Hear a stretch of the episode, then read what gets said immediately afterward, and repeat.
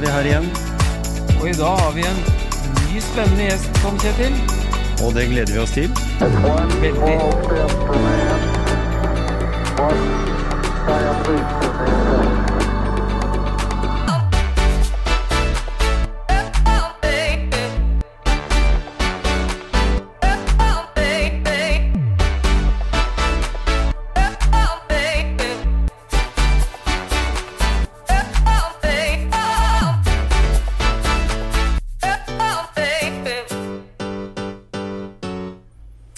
Ja, Gisle. Vi eh, ser jo det ute her. eh, Her er det bare is og litt snø på, på toppene. Men eh, det fins de steder i Norge som det er bra med løyper. Og ikke bare i Norge, kanskje. Men vi har fått med oss en som farta litt rundt med ski i bagasjen. Mikael Gunnesen, velkommen. Tusen hjertelig takk for det. Takk for at du hadde tid til å i en hektisk uh, sesong, vil jeg tro. Eh, og bli med her på motivasjonspreik. Jo, nei, det, det syns jeg jo uh, var på sin plass. Det er jo uh, ekte grenlandsfolk som lager podkast. Da må jeg som ekte grenlandsgutt bidra med det. Bidra der. Så det er hyggelig å bli, hyggelig å bli invitert. Ja, Og, og det var vel i Grenland eh, skikarrieren starta òg, da. Og, og hvordan begynte det, og når? Dette begynte jo uh, jeg- Jeg kommer jo fra en, uh, en fotballfamilie som ikke har noe uh, greie på det med ski i det hele tatt. Vi har, vi har hatt en hytte i Vest-Telemark som vi har tilbrakt mye vinterdøgn på, og, og selvfølgelig gått på bortoverski. Men det har aldri vært noe, aldri noe teknikkarbeid, for å si det sånn. Men uh, så hadde det seg sånn at jeg ble kjent med en, en gutt på barneskolen som gikk på ski, og, og, og ble med han på skitrening. Og fant ut at dette her var jo jeg veldig mye bedre på enn å, enn å spille ball. Så Mhm. da, da ble veien kort eh, etter hvert over til å gjøre det jeg kunne best. Men, men var det i lysløypa på Åfoss, eller hvor er det du måtte dra en da? For det har jo aldri vært noen sånn kjempegode snøforhold, annet enn hvis du tar en halvtime, tre kvarter mot Svanstul.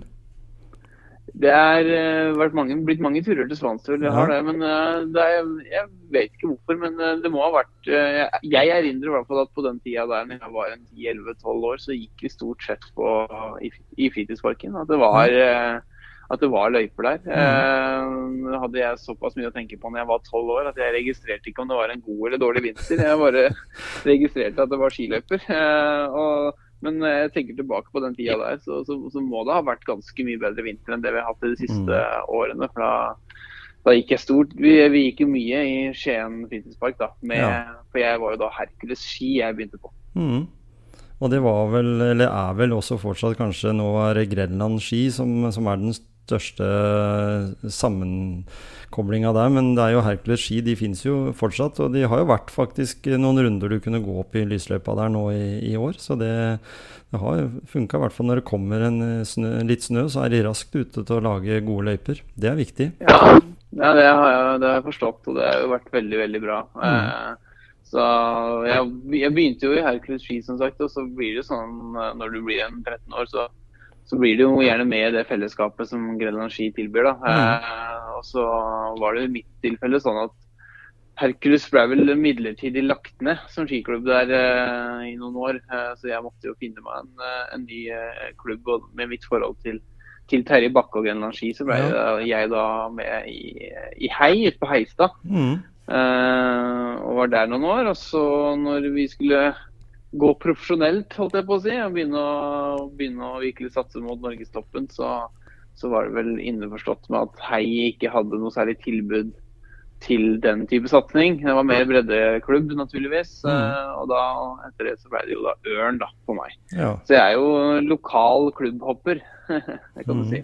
Ja, men, men eh, nå har det jo, nå har det jo blitt eh, en av Norges beste skiløpere, og det vil si at du er også da kvalifisert til å være en av verdens beste skiløpere, i og med at du er fra Norge. og når, når skjønte du at du ville bli god på ski, og, og hva, var, hva var det som dreiv deg som, som ung, og lysten til å bli så god? Jeg har alltid vært glad i det å, å konkurrere. Det å håper å si, vise andre at jeg er bedre enn de. mm. eh, som jo har gitt meg mange uvenner opp igjennom òg, før jeg skjønte at det ikke var så. Før jeg skjønte at det ikke var noe du måtte gjøre hver dag til enhver tid. eh, så, så det, jeg, har alltid vært veldig glad i å, i å konkurrere. Eh, og det Når jeg skjønte at jeg ble god, altså det, det var i menn 18 oppe på Beitostølen. Et uh, klassisk renn uh, oppe på, på Beitostølen som uh, som var i Norgescupen der. Da vant Simen Hekstad Krüger, husker jeg, som jo er i dag kjent som en, ja, Han er vel kjent som verdens beste skøyter. Eh, og han, eh, Da ble jeg nummer seks i det rennet. Eh, og Da husker jeg gikk inn i smørebua og sa til smøreren min at jeg kan jo bli god i det her. Eh, mm. Og det var jo en skikkelig sånn gjennombrudd, da. Eh, hvor jeg skjønte at eh, dette her er faktisk verdt å bruke litt tid på. Ja, for du legger ned noen timer i trening i uka? Ja, absolutt. Uh, så det Jeg må si det at uh, det har uh, det, har, det, tar jo over livet ditt. Det mm. blir jo, det er jo som alle andre har en jobb å gå til, så de fleste andre har det. Så har jo jeg også det. Og min jobb er jo, er jo ikke nødvendigvis bare det å trene tre, fire, fem timer om dagen. Det er jo det jeg gjør ellers i døgnet også. Mm. Så det, det, er en fulltidsjobb, for å si det sånn. Ja, ikke sant. Men, men, du beviser jo også at det, det, er mulig å bli skiløper og komme fra grenlandsområdet. Men tenker du at man på et tidspunkt må reise herfra? Det, altså, jeg kunne bodd i Grenland i dag og, blitt, uh, og satt av ski. Det kunne jeg. Uh, men det er jo fordi jeg har et såpass tilrettelagt opplegg at, uh, at uh, jeg kan reise mye. Og reise dit som det er bedre treningsforhold. Mm. sånn er ikke tilfellene for en som er 18 år. nødvendigvis. så jeg, kan, jeg, reiser til høyden og Italia når jeg må det, jeg reiser til Frankrike når jeg må det, jeg reiser til Sjusjøen når, når, snøen kommer dit. Så, så, sånn sett kan jeg egentlig bo hvor som helst, egentlig. Eh, men, men, eh, sånn kan ikke en 18-åring holde på. Eh, og det er ikke noe tvil om at det NTG, skolen og TTG har jo et kjempebra tilbud ut videregående. Da, så Det er jo viktig å nevne. Altså, etter den alderen der så er det kanskje litt vanskelig å satse ski i Grenland, ettersom at snøforholdet er såpass dårlig sammenlignet med f.eks. Lillehammer da, mm. eller Geilo. Og, og, ikke minst så er jo da, da medfølger jo også det at der er jo miljøene. Der mm. er jo de andre skiløperne. Der er kompetansen. Der er jeg hadde jo ikke satsa ski i dag hvis ikke jeg hadde flytta til Lillehammer etter, etter, videregående. Det er jeg ganske sikker på. For det er jo de bekjentskapene jeg har bygd opp der som gjør at jeg har hele tiden funnet nye mennesker som har motivert meg og, og holdt det gående. Da. Ja, for det er en stor del av langrennsfamilien som er i de traktene, er det ikke det? Jo da, det mm. er det. Og, og det er jo på en, på en, måte litt kjedelig, for det kan jo hende det er mange skiløpere som kommer fra Mandal og, og Skien og, og, Sandnes som ikke finner miljøet og dermed ikke får ut eh, potensialet sitt. Men mm. det er nå engang sånn at vi er avhengig av de eh, klimatiske forholdene på, i denne sporten, spesielt på, da på vinterstid. Mm. Uh, og da er det jo sånn at vi trekker i de, de, i de retningene som som gir oss skiløyper. Mm. Så det, det, er jo naturlig, det. Men, men, det er vel ikke noe tvil om at miljøet rundt Grenland ski, som for, for en del år siden ble etablert med bl.a. Terje Bakke, har hatt uh, stor påvirkning til at det fortsatt drives med ski i området her, da. Mm. Ja, nei, jeg veit ikke hvor det hadde sett ut jeg uten Grønland ski. Det vil jeg ikke tenke meg engang. Uh, det, uff, uh, uten den jobben Terje gjør, så tror jeg det er veldig mange som, som hadde falt av mye tidligere. Uh, inkludert meg selv. Uh, så, så, så, jeg tror ikke jeg hadde jeg tror ikke jeg hadde sittet her som 28-åring og vært skiløper hvis ikke det hadde vært for Terje Bakke og, og, og Grønland ski. Det, og, det, og det tror jeg fort kan gjelde Henrik Dønnestad også. Mm. Det, det miljøet er livsviktig. Eh, og det er jo en plattform for neste steg. Terje Bakke vet at han ikke skaper en verdensmester i grønn ski. Men det er fantastisk, eh, et fantastisk trappetrinn på veien dit. Mm. Så du må jo bygge stein på stein skal du komme, komme til, til, det nivået Henrik og jeg har kommet til. Uh, og det viktigste trappetrinnet, det, det, er de som er lengst nede. Det er de som står og støtter opp, opp alt sammen. Og Grønn energi er kanskje det tyngste trappetrinnet som, som vi har med oss. Mm. Uh, så det er utrolig viktig at du har det miljøet, sånn at de ikke faller av i en alder av 14-15-16 år. Og så deretter, så når de har fullført videregående, så er jeg helt innforstått med at de kanskje må, må flytte på seg for å mm. satse videre. Mm. Og, da, og, da, kan du jo også si at det, det blir et uh, veldig Hvis en skal se vekk fra det sportslige, da, så blir det jo et veldig, veldig, veldig betydningsfullt ungdomsarbeid i tillegg, da, som også er viktig. Ja, altså det, det, det er helt klart det. Så det vi, vi, vi, er ungdommer. Det er lett å, å, å, bli dratt i alle retninger. ikke sant? Så ski må jo være, ski må jo være gøy òg.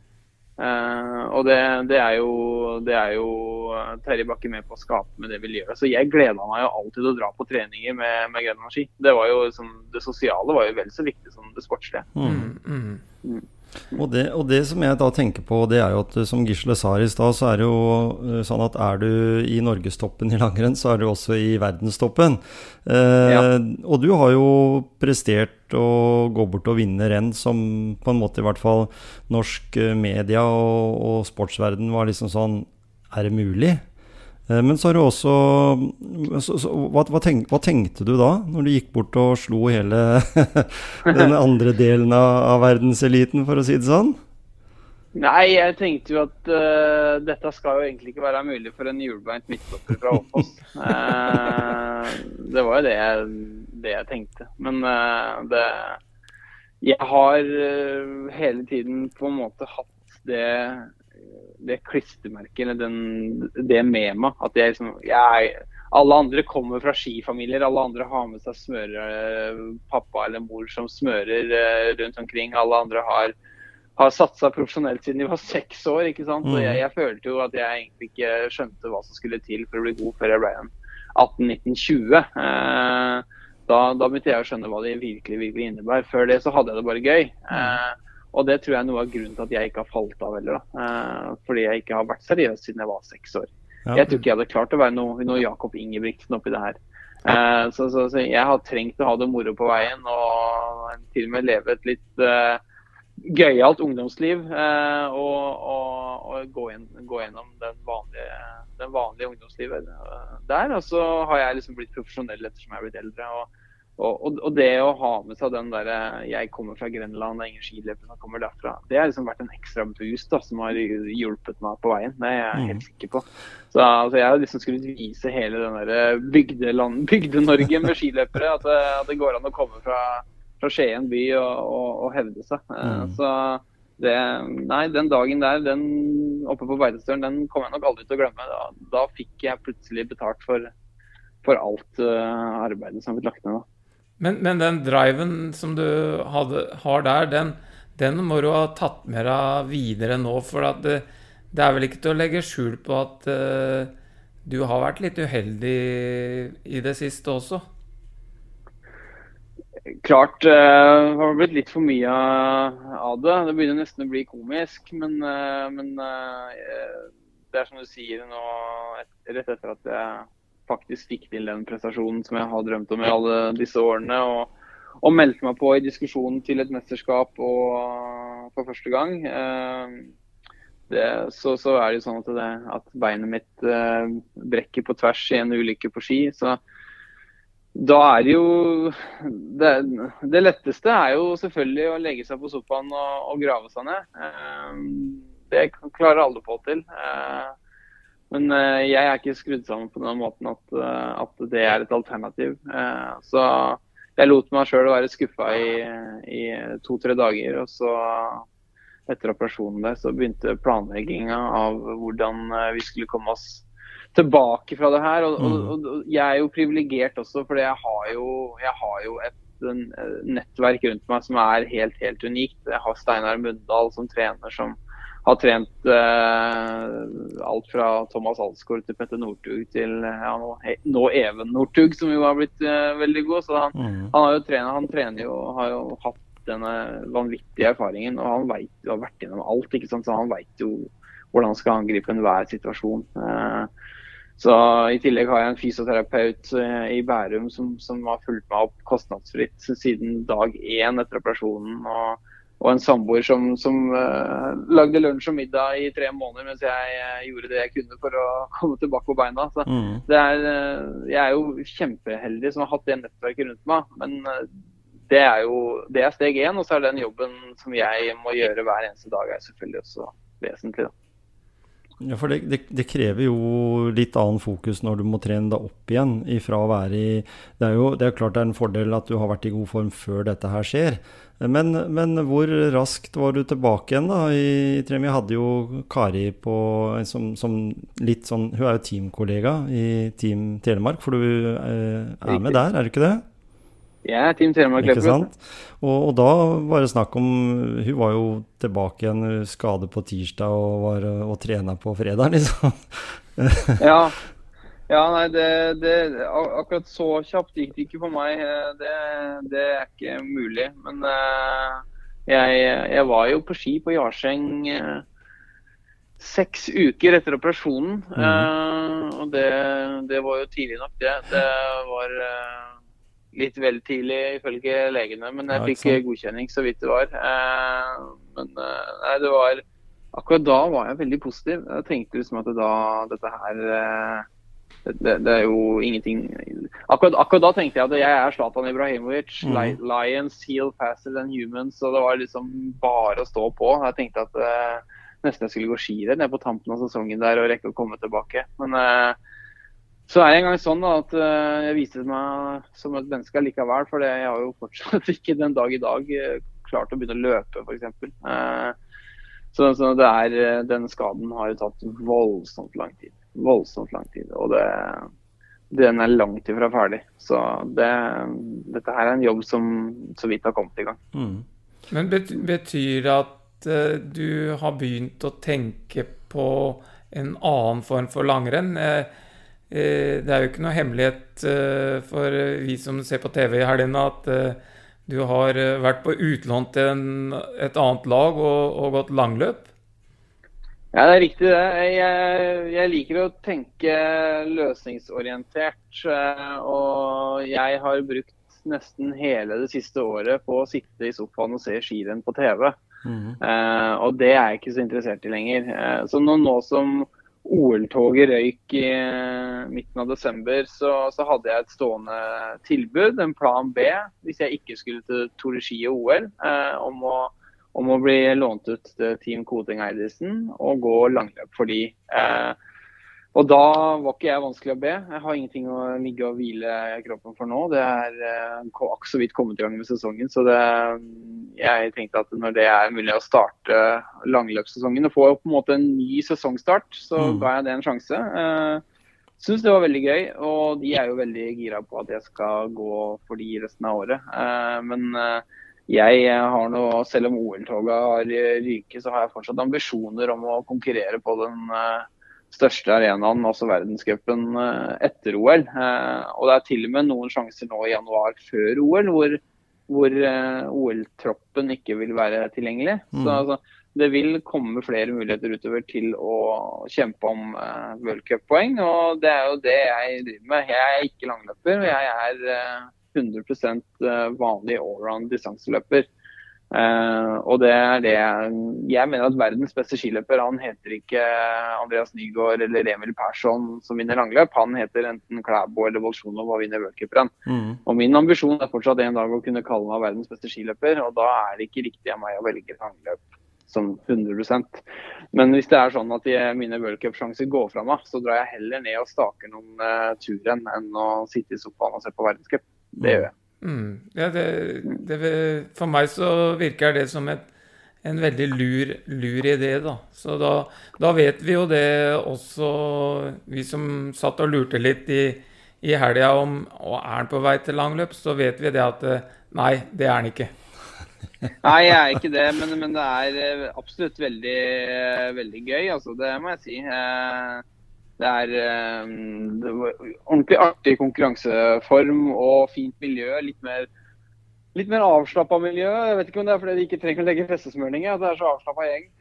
Ja, ikke sant? men, men, eh, men, det, er, er, veldig fin, uh, fin konkurranseform. Og definitivt noe som jeg kommer til å vurdere å bruke siste del av karrieren på. Men, men, jeg har fortsatt det gode å gi opp, gi opp VM og OL-drømmen. Det, det, det, er det jeg har sett på når jeg var liten, det er det jeg har drømt om. og mm. Da vil jeg ikke gi opp det før jeg føler at før jeg kan si til meg sjøl at uh, du, vel, uh, veldig bra forsøk, men det gikk ikke. Men uh, jeg er ikke der helt ennå. Men når, du nevner jo det at det er jo da det som på en måte er drivkrafta i forhold til hver eneste treningsøkt du tar. Så er det jo for å ta disse worldcup-pallplassene og, og, og, være med i VM og, og OL. Men kan, kan, du, vi som er i motivasjonspreik her, så kunne tenke hva er det som du kunne gi til våre lyttere, da, som der ute, unge og gamle, være den motivasjonen som må til for å ha det der i hodet til enhver tid. For det, i og med at du har hatt litt motgang i perioder, så, så blusser jo den, som du sa, opp igjen ganske fort. da, Akkurat den motivasjonen og, og den. Så mm. det må jo være en kombinasjon av talentet du vet du har, men, men hva er det andre ting? Du nevnte trener, du nevnte et lag. Eh, så hva er det du mener kan være eh, det beste grunnlaget for, for best mulig motivasjon innenfor langrenn, da, som du kan komme med? Jeg vet ikke. Er, altså, jeg tror det er veldig individuelt hva som driver en. Eh, men akkurat når det kommer til langrenn, så er det et eller annet med de dagene og den gangen du har den flyten eh, altså Skigåing er jo vakkert. Altså det er jo når, eh, når, du har de fantastiske dagene hvor eh, du kan lange ut i diagonalgang oppover de slake, fine bakkene. og om det, er, om det, er, i Birken, om det er en runde på, i Hulleløypa på Svanstul, eller om det er i et verdenscuprenn, det er det samme. Eh, de der dagene hvor alt klaffer og du har en vanvittig flyt, som jeg hadde på Beitostølen i fjor. Mm. Eh, det er det som driver meg. Jeg har lyst til å oppleve flest, flest mulig av de dagene før jeg kaster en håndkleet. For det, det, er noe av det fineste og nydeligste jeg opplever. Mm. Eh, det er de dagene som jeg trakter etter. De der når du står på startstreken og, og alt bare går av seg selv, og du bare gjennomfører akkurat det du har trent på de siste fem åra og, og, og det går av seg sjøl. Uh, så Det er ikke nødvendigvis dette her med resultat som driver meg. Uh, selvfølgelig har jeg ambisjoner om å vinne ting, men, men det, det, kommer som en konsekvens av at jeg får til alt det andre bra. Mm. Uh, så Jeg står ikke på startstreken og tenker fy fader, i dag skal jeg, dag skal jeg vinne. Nei, jeg står på startstreken og tenker fy fader, i dag skal jeg stake som en gud. Jeg skal angripe i alle svinger, jeg skal gå diagonal som jeg aldri har gjort før. Uh, og da blir resultatet veldig bra, hvis jeg får mm. til det. Så da, da, eh. da snakka vi litt om den der jakten på godfølelsen, da? Ja, mm. riktig. Jakten på godfølelsen. Helt korrekt. Ja. Og så er jeg veldig glad i, sånn, i treningsarbeidet mitt for å gi meg motivasjon til å gjøre en ordentlig jobb i treningsarbeidet mitt. Så jeg er veldig for det der i, eh, i et toppidrettsperspektiv. Det å gi alle økter en mening. Eh, det at jeg ikke går ut på en økt fordi det står 1 12 time klassisk, så går jeg ut i 1 12 time klassisk. Da går jeg og sier i dag, i dag skal jeg bli enda flinkere til å sette stavene lenger fram i staking. Så har jeg liksom halvannen time på det, mm. istedenfor bare halvannen time hvor jeg labber klassisk. Uh, det syns jeg er veldig Det funker veldig bra for meg, da, det å gi hver eneste økt et eller annet med en eller annen mening. Uh, så, så da, er den, da, er den, mye lettere å gjennomføre, og det gjør den økta veldig mye bedre. Sammenlignet med det ikke du veit hvorfor du er ute der, egentlig. Det, det... Jeg, har en, jeg, har en, jeg, har en, fin liten sånn historie der på ja, den utøveren som har lært meg aller, aller mest. Det er en japaner som heter Kentaro Ishikawa. Vi kalte den bare for Kentore. Uh, han, uh, han flytta til Norge uh, og skulle satse ski. han var langrennsløper i Japan og kom fra japansk trening, treningskultur. Flytta til Lillehammer, og meg og Runar Mathisen, han langløperen fra Vest-Telemark, vi, vi, bodde sammen og tok han litt under vingene. Og, og, han ble med oss på masse trening. Og han stilte så mye spørsmål. Han hadde jo en helt annen treningskultur enn det vi hadde. Og han stilte de dummeste spørsmålene. Why you do this, why you do that, why do you Ja, altså hvorfor har du andre økt etter intervall, hvorfor har du styrke i dag når du skal ha intervall i morgen? Altså Det var så mange spørsmål, sånn helt åpenbare, som føltes som dumme spørsmål der og da. Men jeg tok meg sjøl i flere ganger å ikke ha noe godt svar på de spørsmålene. Og det burde jeg jo ha. Jeg burde jo vite hvorfor jeg gjør alt jeg gjør. Men de aller aller fleste gangene når han stilte de spørsmålene, så var svaret mitt 'because everybody else does it'. Ikke sant? Dette er noe alle andre gjør, så da må jo jeg gjøre det òg. Og det forandra hele min måte å sammen, sette sammen trening på eh, og, og, tenke på. Så jeg gikk inn i treningsdagboka mi altså, og, og, og, planen min, og så strøyk jeg alle øktene som jeg ikke skjønte hvorfor jeg gjorde.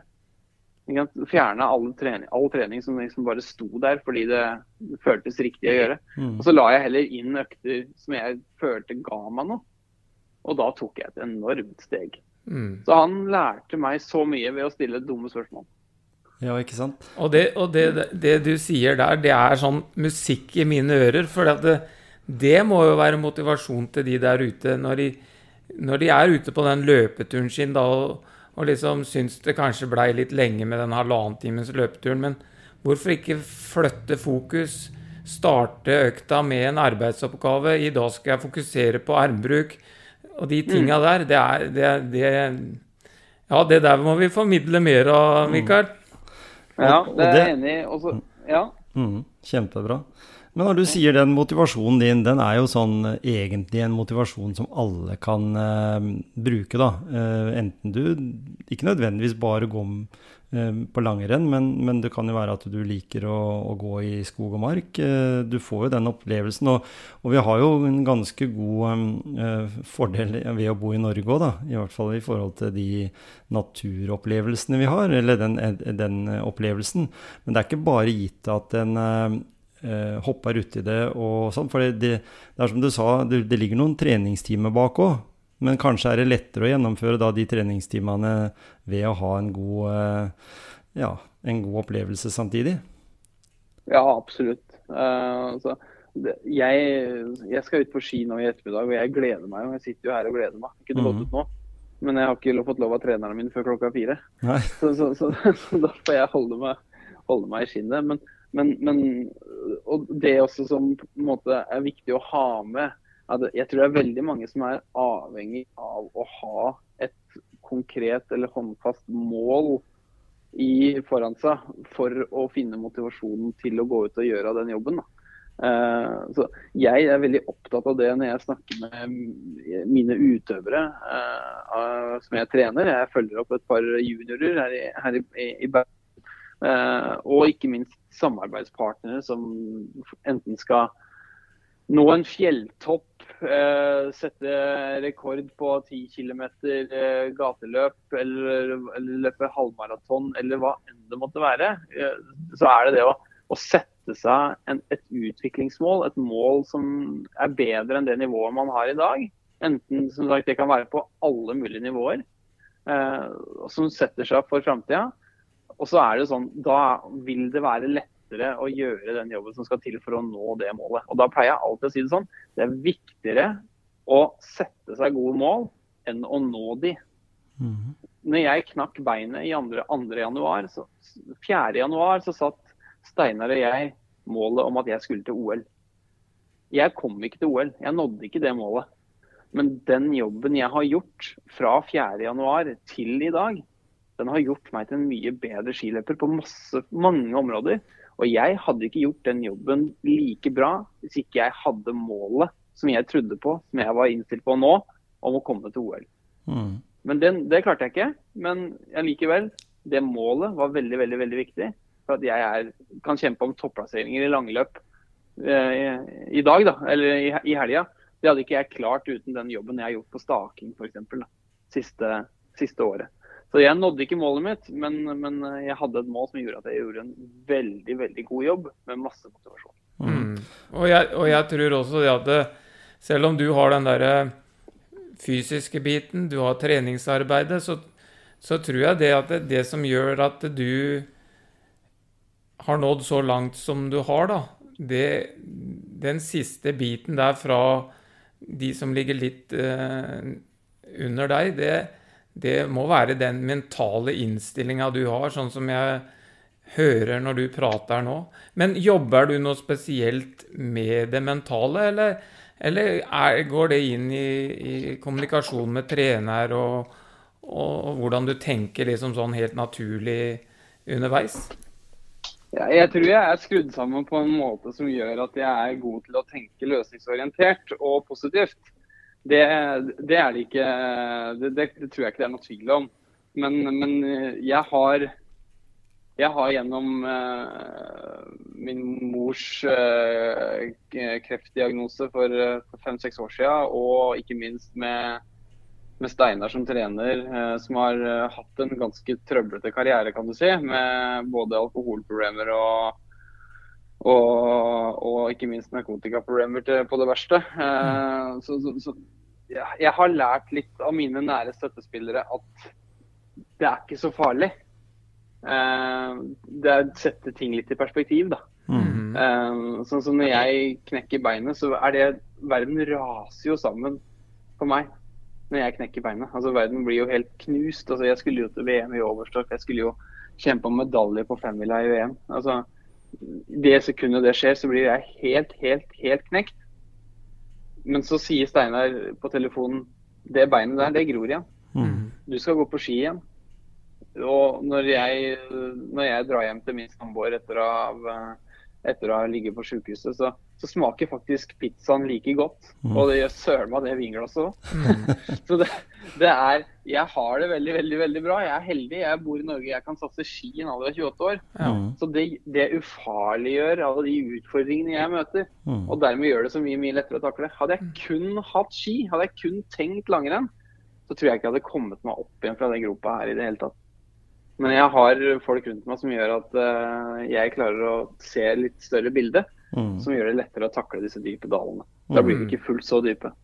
Mm. Det, var, det, var, det, var, flott å høre. Vi, vi, har jo hatt episoder vi tidligere som vi har snakka om den gode hjelperen, som uh, Gisle og jeg kaller det. da. Altså det støtteapparatet ja. som en uh, toppidrettsutøver eller en utøver generelt trenger for å få gjennomført. da, og, og, Jeg skjønner jo det da også for deg, at de støttespillerne du har hatt, har jo vært uh, ensbetydende med karriere og ikke-karriere, på en måte. Helt ifra den gangen du hadde en fotballtrener som satt deg som midtstopper på Åfoss. Uh, ja. Så er det klart at det, Og da har jo du, som du sier, vært ganske så bevisst og, og, sett betydningen av hvor viktig de rollene er. For det er jo ikke alle som gitt alle å, å, å, se de verdiene. Men at du har hatt gode støttespillere, og kanskje også vært med på å gjøre de enda bedre, de da. I, i forhold til at, med din motivasjon òg, vil jeg tro. Ja, absolutt. Og jeg har jo hatt en mor som har fulgt meg opp utrolig tett. da. Eh, som helt fra jeg begynte å bli eh, litt god på ski, så, så har jeg gått eh, bak og dytta, ikke mm. foran og dratt. Eh, og det tror jeg er en veldig veldig viktig detalj da, for, mm. Eh, for, eh, å si, bære, for, å være litt bærekraftig og tenke litt langsiktig. Så, mm. så tror jeg det er mange karrierer som ryker på at foreldre går foran og drar, eh, istedenfor å gå bak og dytter. Så, hun, hun, visste hva hun gjorde når hun sa at ja, det er greit det at du drar på den festen i morgen, men da kjører ikke jeg deg på skirenn på søndag. Mm. Uh, og da, da, ble det plutselig mine valg å ta. Uh, og jo, uh, jo, bedre jeg ble på ski, jo oftere ble det skirenn på søndag. Mm. Eh, og, og, jeg fant jo motivasjon i, i nettopp det. da. Eh, og så har, jo, har, jeg jo hatt disse støttespillerne med meg hele, hele veien. og, og og mor har jo Hun reiser jo rundt på så å si alle, alle skirenn jeg går, ikke sant. Og så når jeg endelig fikk slått gjennom etter å ha hatt et år med han eh, Kentaro Ishikawa, så, så ble jeg plutselig veldig god på ski og, og skulle gå U23-VM i Romania, av alle ting. Mm. Eh, og dette her var jo plutselig en helt ny hverdag for oss, for vi var jo vant til at jeg var mellom 20 og 50 på lista, og plutselig så kjempa jeg jo helt i toppen og, og tok seier i Skandinavisk cup. Uh, og, ble tatt ut i 23-VM. og da, da, kunne ikke min mor være med fordi hun, hun måtte på strålebehandling. Uh, og da overrasket jo hun meg ved å sende mine to eldre brødre til Romania. Mm. Uh, og, og, når jeg da tok en bronsemedalje der og, og, gikk i målområdet, og de hadde kommet seg innenfor akkreditert område, og vi tre gutta sto i en bjørneklem i 19 plussgrader på et realt vann, vannskiføre i Romania og, og, og, grein i hverandres armer mens mamma grein hjemme i Norge, da, da kjenner du på at uh, dette her, dette, dette er det flere enn meg som, som bryr seg om. Uh, og det er noen folk som lever, lever, med meg hver eneste gang jeg er ute og, og trener eller går skirenn, så er de interessert i hvordan det går. Uh, og det gjør de jo utrolig mye lettere å holde på da, når du vet at du har en sånn støtte. Mm. Så jeg er jo veldig privilegert. Det er veldig fint å høre at en har eh, sånne menneskelige historier eh, bak. At det også motiverer eh, til å, å stå på ekstra. Eh, hvordan er planene framover? Nei, jeg har, en, jeg har, en, plan A, jeg har en plan B. Ja. Eh, så nå er, det, nå er det Det som uansett skal være med i planen, det er nå skandinavisk cup i Falun. Eh, på nyåret. Så da reiser vi til Sverige og går uh, ski den uh, første helga i januar. Uh, så da, og de rennene der vil egentlig avgjøre mye av hvordan den neste måneden ser ut. Mm. Går det fort der, så, så, kan det være at det blir World Cup-muligheter i Frankrike helga etter. Mm. Går det ikke fullt så fort der, så er det jo en gang sånn at de i Team Koteng Eidesen de har flybillettene klare. hvis jeg ikke får gå worldcup, så sitter de klare og har eh, stakeski til meg nede i Mellom-Europa. Mm. Eh, for da skal det gås renn i Ski Classics eh, ja, faktisk fire helger på rad i Mellom-Europa i januar. Ja. Eh, så, så mm, jeg, jeg, håper jo at jeg går så fort at jeg ikke trenger å tenke stakeski. Eh, men hvis det skulle være sånn at jeg ikke gjorde det, så har jeg en veldig god plan B da, med, mm. med team med Koting Eidesen. Mm. Og det må jo så, være, så, det må være en god følelse å ha den eh, at, Som du sier, med støttespillere rundt deg som nå ønsker å, å ha deg med på laget. Ja. Ja, absolutt. Og på det laget så har jeg jo en lagkamerat, Martin Jonsrud Sundby, som, mm. som, virkelig lever seg inn i, inn i oss unggutta. Han kaller oss unggutta, men jeg er jo tross alt 28 år. Men, men eh, oss unggutta i hans øyne, da. Eh, han lever seg veldig inn i våre karrierer. Da, når han mm. på en måte har lagt, ned, lagt vekk sin ytterst profesjonelle satsing. Selv om han er profesjonell ennå, så er det jo ikke det samme enorme fokuset som han hadde på sitt verste. Så så han, Nå var jeg sammen, bodde sammen med han i helga i tre dager, og jeg har aldri diskutert så mye trening og så mye mental trening, ikke minst i detalj, eh, som jeg har gjort nå. Eh, han er virkelig interessert i å, å lære bort mm. og dele sine erfaringer. Så det er veldig, veldig gøy å være med på. Og jeg er sikker på at de eh, diskusjonene og de turene jeg eventuelt skal ha sammen med de, de kommer til å gjøre meg bedre som skiløper på sikt. Mm. Og så syns de sikkert det er veldig ålreit å ha med en så bra fyr som deg òg. Mm. Ja, det håper jeg jo, da. Det, det har veldig inntrykk av det. Så vi, vi, er en veldig, veldig bra Nå har jeg vært én helg sammen med dem. Jeg føler allerede at vi er en bra sammensveisa gjeng. Så det er klart jeg savner uh, Team Telemark-venninner uh, og kamerater. Det er ikke noe tvil om det. Og jeg er 100 eh, Team Telemark-løper, men uh, det er jo veldig fint å ha en sånn ha en sånn plan B. Det er jeg veldig glad for at jeg, mm. at jeg fikk ordna. Så mm. Så det, jeg, nå, jeg, er så heldig at jeg går for to lag. Eh, og de to lagene er vel eneste Det må, må være, være en eller annen form for rekord. Det at jeg da på én dag har to lagkamerater som vinner en i Ski Classics og verdenscupen på samme ja. dag. Det er ganske utrolig. Og når du skal velge deg privatlag, så må du velge med omhu, og det har jeg gjort. Mm. Så Team Telemark vinner eh, verdenscup med Even Northug, og Astrid Øyre Slind og Team Godteng Eidesen vinner Ski Classics ja, eh, på damesida. Så det var jo over all forventning. og det viser jo at det, at det, er mulig å oppnå noe selv med Telemarksnavnet på brystet, på en måte. Absolutt. Og det er Even Even og jeg har trent masse sammen. Mm. Så jeg er, jeg er, ydmyk nok til at når han vinner worldcuprenn, så slår jeg meg sjøl litt på skuldra òg. Og det mm. syns jeg alle i Team Telemark sitt apparat skal gjøre. For Even, ikke, Even er en enorm skiløper og et vanvittig talent. Men jeg er helt sikker på at den veien hans til, eh, til å vinne et verdenscuprenn, den hadde vært veldig, veldig mye tyngre uten hele Team Telemark. Ja, ikke sant. Også det at han, og det at han blir da kanskje uh, skiløperen Even istedenfor å leve litt i skyggen av broren, som hadde liksom mer, mest oppmerksomhet. Det blir jo ja, ofte sånn. Absolutt. Mm. Så det er jo det er jo rimelig utrolig da, at de er tre brødre nå har i søren meg vunnet verdenscupen alle tre. Mm. Det er jo helt uh, nesten ikke til å skjønne. Så det Nei, det er, det er et eller annet i huet på de gutta der. Ja. Og så har jeg jo også opplevd på nært, fått oppleve på nært hold at det, de har litt i armer og bein òg. Så Ja. det, de, det, er, ikke- det er ikke tilfeldig at, eh, at Even går såpass fort på ski. Han eh, har noen fysiske egenskaper som går utenpå de aller aller fleste. Det, Mm. det er jo moro at han får vise på den største scenen som i helga, da. Ja, så motiverer det sikkert alle dere andre også.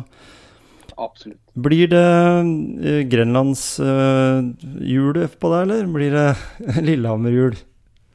Det blir grenlandshjul på meg, altså. Ja. Uh, meg og samboeren min er jo, vi er jo bosatt i Oslo, men vi, eh, vi, eh, vi drar hver vår vei nå i morgen. da Mhm. drar hun nordover til Lillehammer og jeg nedover til, til Porsgrunn. Så, Ja. så da satte jeg på å få meg en, eh, fin, eh, et par fine skiturer på Jarseng. Og jeg ser det er, eh, det er grønt der på skisporet denne, så da regner jeg med at det er litt løyper der oppe. Mhm. Ja. Og så ser jeg at det er kanskje ikke så mye aktivitet på de andre arenaene ennå, men vi får nå håpe da at det kommer litt snø. Ja. Mm.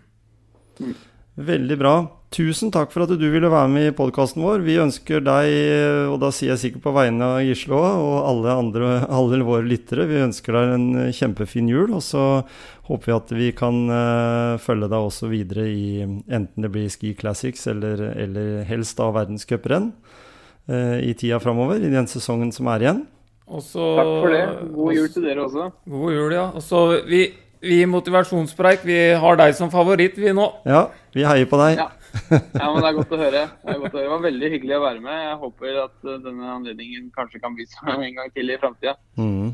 Det håper jeg at vi kan snakke med deg etter at du har tatt eh, din første verdenscupseier. Ja, det, da, skal jeg, da, da, da må vi ta en prat, gutta. Det må Ja. gjøre. Ja. Ja.